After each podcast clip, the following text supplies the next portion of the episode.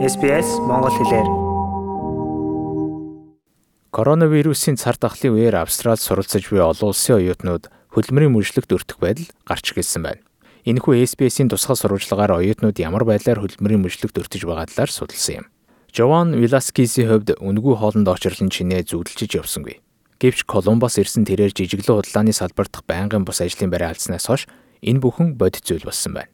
Жован сүүлийн 3 жилийн турш Австрали улсад амьдарч байгаа бөгөөд цар тахал гарснаас хойш амьдралаа залгуулах нь улам өндөрч эхэлжээ.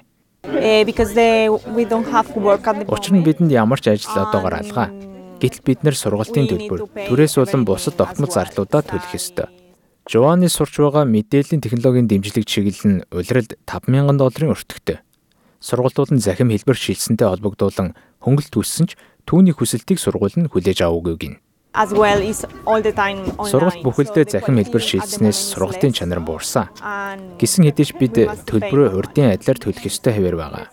Практик суурилсан сургалтууд болох үсчин, физик эмчилгээ зэрэг чиглэлээр суралцагчдын хувьд энэ хүндрэл улам бодиттой байна. Хуульч Ник Ханагийн хувьд энэ төрлийн тусламж хүссэн хүсэлтүүдэд дарагдах болжээ. Олон тооны дэд сургуулиуд гэрээгээр хүлээсэн үүргээ зөрчиж байна. Тэдний хувьд Австралийн хэрэглэгчийн тухай хууль болон боловсролын үйлчилгээ үзүүлэлттэй холбоотой Австралийн холбогдох стандартуудыг зөрчсөн байх магадaltaй байна. Хэдийгээр түүний хувьд оюутнуудад зориулж төлбөр бууруулах хүсэл бүхий захидлын үлгэрчилсэн загварыг гаргасан ч хуулийн фирм нь албан ёсоор оролцохоос бусад үед ихэнх нь татгалт сайруу авсан байна. Бид зарим боловсролын үйлчилгээ үзүүлэгчдэд фирмийнхээ нэрийн өмнөөс албан бичиг өргүүлсэн. Энэ тохиолдолд дээд сургуулиуд буулт хийж байсан нь сайшаалтай.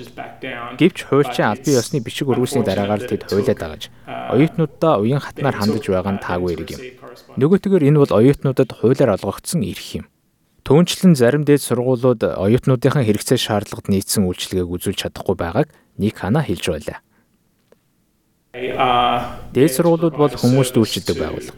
Оюутнууд бол өөрсдийнхээ хяналтаас гарсан хүчин зүйлсийн нөлөөгөөр санхүүгийн маш хүнд нөхцөлтэй нүүр тулсан хүмүүс юм. Тэд чанартай боловсрал эзэмших нь хуулиар олгогдсон. Үүнийхин төлөөч маш их мөнгө төлж байгаа. Хэрв сургуулиуд чанартай боловсролын үйлчилгээ үзүүлж чадахгүй бол ядчил уян хатан нөхцөл үзүүлж төлбөрөөс нь хөнгөлж чадах ёстой. Танхимын сургалтууд сургалтын хамгийн шалгарсан сайн хэлбэр гэдэгтээ марахгүй гэдгийг хэлсэн Австралийн олон улсын боловсролын холбооны Фил Ханигуд нь боловсролын үйлчилгээ үзүүлэгчдийн хувьд эдийн засгийн талаас хөврөл амсж байгаа гэдгийг мөн дурдсан юм. Боловсрол олгогч олон байгууллагуудын хувьд сурагч нараа цалинжуулах, захим сургалтын платформудад мөнгө төлж байгаа. Энэхүү ганц удаа хэрэглэгдэх дид бүцвэхий технологи нь тэдний хувьд өндөр дүнтэй хөнгөлт үзүүлэх боломжийг хязгаарлахаас эхлээд хүн цохилт болж байна. Сүүлийн жилүүдэд Австралийн ихтэй сургуулиудын орлогын өсөлтийн дийлэнхийг олон улсын оюутнуудын төлбөр бүрдүүлсээр ирсэн. Австрали улсад 250 мянган ажлын байр бий болгодог энэ салбар нь жил бүр 38 тэрбум доллар давсан орлогоороо төмрийн хөдөр нүүрсний дараа бичигдэг 3 дахь том экспортын бүтээгдэхүүн тооцогдож байна. Гэвч зарим оюутнуудын хувьд хандив халамжаар л амиа зогооход түрээд байна. Сиднейд байрлах Эдисон рөвд олон нийтэд үйлчлэх байгууллага нь хүнсний аюулгүй байдлын хөтөлбөрөөр өргөжүүлэхэд түрээд байгаа юм.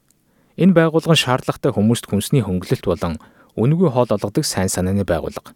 Тэдний тандах олон улсын оюутнуудын тоо огцом нэмэгдсэн болохыг гүйцэтгэх захирал Розана Барберо хэлж байлаа. Бидэн дээр шинэ хүмүүс ирэх болсон. Биднийг зорин ирж буй тэдгээр шинэ хүмүүс нь урд нь ямар нэгэн төрлийн хүмүүнлэгийн тусламж, дэмжлэгтний ажиж байсан удаагүй. Харин ч эсэргээрээ байсан тийм л хүмүүс. Одоо бидний хамтран ажиллаж буй хүмүүс бол манай улсын бүтээн байгуулалтад хувь нэмрээ оруулж, асар хэмжээний баялагийг бүтээлцэх гэж, ажиллах гэж, сурах гэж ирсэн оюутнуудаас бүрдэж байна. Тэд дэмжлэг хүртэх эрхтэй гэдгийг ч тэрээр онцлсон юм. Эдгээр оюутнуудаас олонх нь манай амьлгүүдийг цэвэрлэж, настангуудыг маань асран халамжилж, хүүхдүүдийг маань харж хандах болно гэдгийг олон хүмүүс сануулмаар байна. Тиймээс бид тэдэнд хүнлэг хандах ёстой.